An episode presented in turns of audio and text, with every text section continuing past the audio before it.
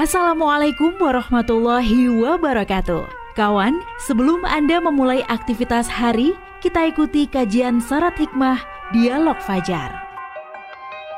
Assalamualaikum warahmatullahi wabarakatuh. Alhamdulillah kawan ketemu lagi ya pagi hari ini. Senang sekali saya rasanya kembali berjumpa dengan Anda di program Dialog Fajar. Semoga Anda pun juga senang. Tidak pernah bosan menyimak Dialog Fajar Yang setiap harinya hadir insya Allah pukul 5 Yang bisa Anda ikuti dan kita simak bersama kawan-kawan pesantren Al-Quran Nurul Falah Surabaya. Di studio sudah hadir Ustadz Abdurrahim Hasan kawan. Assalamualaikum Ustadz Rahim Waalaikumsalam warahmatullahi wabarakatuh. Ayo. Alhamdulillah ketemu lagi ya Ustaz. Alhamdulillah. Kita lanjutkan obrolan yang kemarin Ustaz ya. ya. Betul, kan masih betul. ada tujuh amalan ya Ustaz ya. ya. Betul. Yang insya Allah pahalanya ini akan terus mengalir ketika seseorang itu sudah meninggalkan dunia. Ya, kemarin baru ya. dibahas dua Ustaz. Dua ya, waktunya sudah habis. betul, karena waktunya sangat terbatas. Ya, nah, kita ya, lanjutkan lagi ya Ustaz untuk ya, yang baik, kelima, amalan baik yang pahalanya mengalir meskipun sudah meninggal dunia. Monggo selengkapnya bersama Ustadz Abdurrahim Hasan. Ya, baik Mbak Ayu. Bismillahirrahmanirrahim. Alhamdulillahirabbil alamin wassalatu wassalamu ala asrafil anbiya wal mursalin wa ala alihi wa ashabihi ajmain. Amma ba'du. Mbak Ayu, marilah kita selalu hari ini mensyukuri atas nikmat Allah Subhanahu wa taala yang telah diberikan kepada hmm. kita ini. Baik itu sebuah nikmat kesehatan, hmm. nikmat keimanan kita yang pada pagi hari ini ya kita pagi-pagi berdua hmm. belum ada orang ini ya ada tim ini hari berada di tempat hmm. yang alhamdulillah sangat sejuk ini ini adalah sebuah nikmat dari Allah hmm. Subhanahu wa taala dan kita selalu mari selalu bersyukur dan selalu berdoa kepada Allah Subhanahu wa taala semoga Allah selalu berikan kesehatan kepada kita amin, amin, ya sehingga kita bisa melaksanakan aktivitas ini pada pagi hari ini hmm. secara baik dan secara maksimal hmm. Ya, Mbak Ayu, kita lanjutkan kembali pembahasan uh, amalan baik yang pahalanya mengalir walau seseorang itu sudah uh, meninggal, meninggal dunia. Jadi kemarin sudah kita bahas dua, Mbak ya. Jadi yang pertama adalah orang yang mengajarkan atau menyampaikan ilmu. Yang kedua adalah orang yang membuat sumur, yang air sumur yang dimanfaatkan untuk keperluan orang banyak. Hmm. Ya, kemudian Rasulullah menyampaikan lagi yang ketiga adalah orang yang mengalirkan sungai, Mbak, atau hmm. saluran air yang mati hmm. atau gorong-gorong lah istilahnya begitu yeah. ya. Jadi kalau saat ini. Jadi kalau ada orang yang membuat sungai atau aliran untuk keperluan pengairan mungkin pengairan sawah hmm. atau pengairan kebun mungkin begitu Nah, apakah itu sungainya ada di dekat sawahnya hmm. atau di dekat kebunnya atau jauh dari sawahnya atau jauh dari kebunnya hmm. ya maka selama sungai atau aliran air itu yang dihidupkan eh, tadi itu dipakai hmm. atau dimanfaatkan oleh orang orang lain maka yang membuat sungai tadi akan mendapatkan pahala walaupun toh uh, beliau sudah, sudah meninggal, meninggal dunia iya. itu. Jadi selama uh, aliran air itu digunakan oleh warga sekitar itu, maka pada saat itulah dia mendapatkan kenikmatan yaitu pahala-pahala hmm. atau aliran-aliran pahala uh, walaupun dia sudah meninggal tadi itu. Hmm. Nah, itu. Atau juga Mbak uh, mungkin ada di tempat kita itu apa namanya ya selokan ya. atau gorong-gorong ya. ya. Kemudian kita membuat itu gorong-gorong atau selokan atau kita menghidupkan kembali ada selokan yang tertutup. Hmm. Nah, jadi ada apa namanya kerja bakti ya mbak ya. Ada kerja ya. bakti kita untuk menghidupkan uh, gorong-gorong atau selokan itu dan selama Eh, korong-korong atau selokan itu digunakan oleh orang hmm. lain, maka kita akan mendapatkan pahalanya. Hmm. Jadi ini sebuah informasi, Mbak. Sebuah informasi kalau ada kerja bakti, ya apalagi bersih-bersih got atau bersih-bersih gorong-gorong, ikut ya. Ada kita ikut. Mudah-mudahan dengan kita mengikuti itu yang ada gorong-gorong yang tersumbat, itu kemudian eh, kita bisa mengalirkannya itu eh, kita nggak tahu Mudah-mudahan itu adalah bagian dari amal kebaikan kita yang nantinya ketika kita meninggal kita masih mendapatkan pahala dari kita ikut kerja bakti yang menghidupkan gorong-gorong atau got yang ada baik itu di sekitar rumah kita atau di jauh. Nah, Khususnya syukur-syukur eh, gorong-gorong atau got itu di sekitar rumah kita. Nah, maka ya harus sebaiknya kita selalu membersihkan, selalu eh, mengalirkan. Jangan sampai kita menutup mbak ya ada Ya. got yang wah ini gara-gara got ini maka eh, terganggu eh, tempat tinggal kita atau ada bau yang kurang enak ya tidak Ya. Ah, jangan sampai seperti itu ini adalah sebuah aliran pahala tersendiri ini ya pahala tersendiri selama gorong-gorong atau saluran air yang ada di sekitar rumah kita itu digunakan oleh orang lain atau digunakan oleh tetangga kita kita akan mendapatkan pahala dari. Nah, aliran atau gorong-gorong yang digunakan tadi itu. Walaupun toh kita sudah sudah meninggal. Nah itu itu yang yang nomor tiga. Yang nomor empat adalah orang yang menanam kurma itu kata Rasulullah. Hmm, jadi eh Rasulullah menyampaikan orang yang menanam kurma itu nanti akan mendapatkan pahala selama kurma itu berbuah dan bisa dimanfaatkan atau dinikmati oleh eh, orang yang masih hidup. Jadi kita tahu Mbak ya, yang namanya pohon kurma itu kan pohon yang mulia ya, pohon yang bagus, yang sangat banyak sekali manfaatnya itu. Dan Rasulullah itu sangat suka makan buah kurma ini, khususnya eh, kurma apa namanya ajwa nggak salah itu. Nah itu itu kurma yang bagus, yang Rasulullah sangat suka memakannya itu. Nah beliau menyampaikan barang siapa yang menanam pohon kurma dan mendermakan buahnya untuk kaum muslimin maka pahalanya akan terus mengalir. Setiap kali ada orang yang memakan buahnya Hmm. atau setiap kali ada yang memanfaatkannya baik itu manusia maupun hewan. Hmm. jadi sesungguhnya ketika seseorang itu berderma kurma itu apakah kepada manusia atau kepada hewan dia mendapatkan pahala mbak jadi kalau kita menanam ya menanam apa kalau sekarang ya mungkin padi Ya. atau menanam pohon yang lain. Nah, kalau ada hewan yang makan biarkan saja, Mbak. Ya, Karena itu harus sebagai pahala tadi itu kan. Jadi kata Rasulullah, ketika seseorang itu menanam Ya. kemudian dimanfaatkan oleh manusia maupun hewan, maka dia akan mendapatkan pahalanya. Nah, sekarang kan ada orang yang eh, biar tidak di eh, Makan makan hewan. ma- burung ya, maka Iya. ditutupi.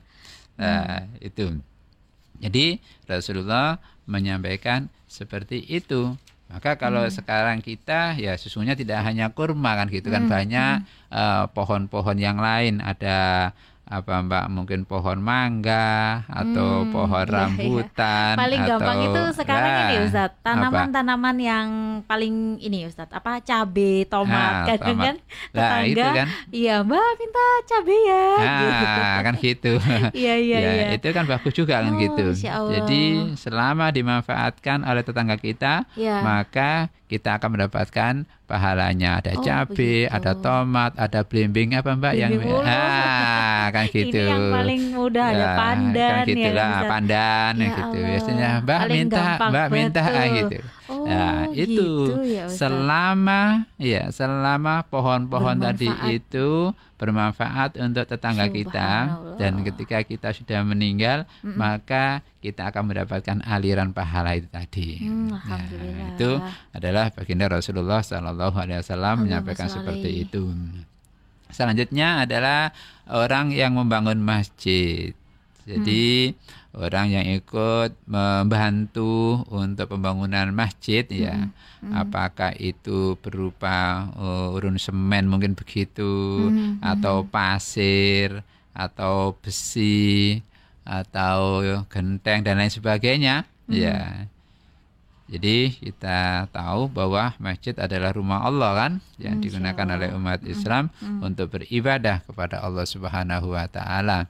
Baik itu sholat, tadarus, masjid taklim dan sebagainya. Hmm dan sebagainya. Dan selagi masjid itu atau musola itu masih digunakan, maka seseorang itu akan mendapatkan pahalanya. Dan sesungguhnya tidak hanya itu saja kan bagi orang-orang kata Rasulullah menyampaikan bagi orang-orang yang ikut membantu membangun masjid itu di samping hmm. mendapatkan pahala jariah juga akan mendapatkan naungan dari Allah Subhanahu wa taala waktu nanti di alam mahsyar. Jadi di saat uh, seseorang itu ada di padang mahsyar nanti semua orang itu berkumpul kemudian semua orang itu bingung untuk mencari perlindungan, maka di situlah ada suatu amalan yang datang kepada seseorang itu dan memberikan perlindungan. Yaitu apa? Yaitu sodako tadi itu yang diberikan seseorang untuk membangun membangun masjid. Sampai-sampai hmm. Rasulullah menyampaikan kan, setiap orang akan berada di bawah naungan sedekahnya hingga diputuskan perkara-perkara di antara manusia. Jadi itu antara lain eh, keutamaan dari orang yang membangun masjid. Juga hmm.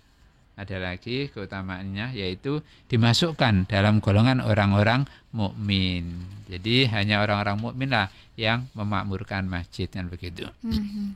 Dan ada lagi ada baginda Rasulullah bahwa orang-orang yang bersodako yang ikut bangun masjid ada keutamaan yaitu dibangunkan rumah oleh Allah di surga. Masya Allah. Jadi suatu saat Rasulullah bersabda siapa yang membangun masjid karena Allah walaupun hanya selubang tempat burung bertelur ya maka Allah akan bangunkan baginya rumah seperti itu pula di surga. Nah, itu sangat luar biasa keutamaan-keutamaan Iya Ustaz, uh, apakah itu uh, perumpamaannya begini Ustaz? Kalau iya. bangun masjid itu kan sangat apa ya butuh biaya yang besar gitu ya Ustaz. Yeah, yeah, yeah. Akhirnya kita bisanya itu hanya menyumbang gitu hanya hanya ya hmm. katakanlah tidak dalam nominal yang tidak terlalu besar apakah itu hmm. juga bagian dari upaya kita sama-sama membangun masjid Ustaz? Iya, ya sekecil hmm, apa pun yang kita berikan untuk masjid itu hmm. dan selama masjid itu digunakan maka kita akan mendapatkan bagian. Subhanallah. Kalau tadi kan seumur kita sekarang ini harga semen berapa?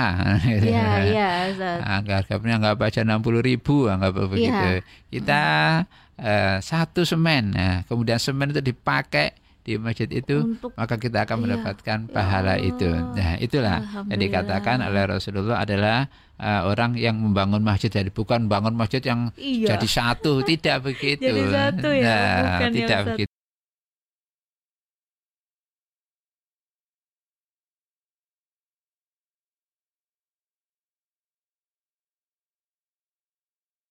Gitu. Tadi ya, eh, ya semua siapa ya, siapa yang bantu hmm. membangun masjid itu dan selagi masjid itu digunakan maka kita mendapatkan pahalanya itu selama dipakai oleh kaum muslimin. Nah, itu itu yang bangun masjid. Ya.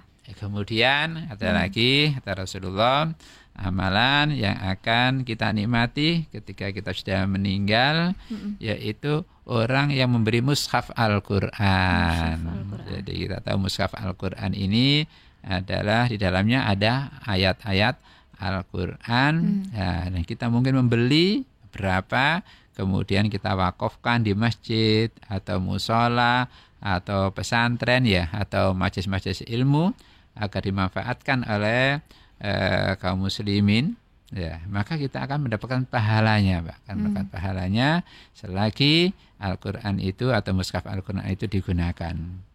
Dan kita tahu kan sesungguhnya keutamaan Al-Qur'an itu kan banyak sekali. Ya. Ya di samping Al-Qur'an sebagai mujizat Rasulullah yang terbesar juga Al-Qur'an kalau dibaca akan mendapatkan pahala kan setiap satu huruf 10 kebaikan dan seterusnya dan sebaik-baik orang hmm. adalah orang yang belajar Al-Qur'an dan kemudian mengajarkannya kan begitu kan ya. Hmm. Kemudian ada lagi bahwa uh, Al-Qur'an akan uh, memberi pertolongan Hmm. di saat seseorang itu membutuhkan pertolongan di alam mahsyar sana ya. gitu. Hmm. Nah, itu adalah uh, Al-Qur'an. Jadi Iqra'ul Qur'an fa innahu ya'ti yaumal qiyamah syafi'an li ashabihi. Jadi bacalah Al-Qur'an, bacalah Al-Qur'an karena Al-Qur'an akan datang untuk memberikan pertolongan kepada orang yang membacanya tadi itu. Hmm. Dan kita tahu juga dengan membaca Al-Quran sesungguhnya hati kita menjadi tenang, hati kita menjadi tentram kan begitu Mbak ya. Wa nunazzilu minal Qur'ani ma huwa syifaa'u wa rahmatul lil mu'minin. Dan kami turunkan Al-Qur'an itu menjadi penawar atau rahmat bagi orang-orang yang beriman.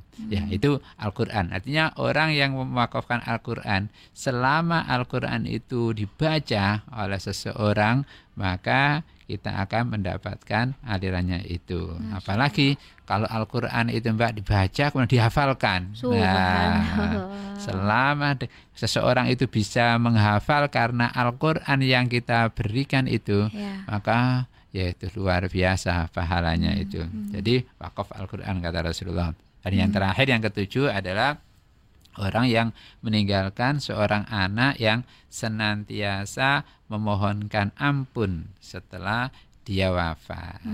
Jadi seseorang akan mendapatkan aliran pahala, akan mendapatkan transferan pahala dari Allah Subhanahu wa taala ketika seseorang itu memiliki seorang anak yang soleh atau soleha kemudian selalu mohonkan ampun selalu mendoakan kepada kedua orang tuanya itu.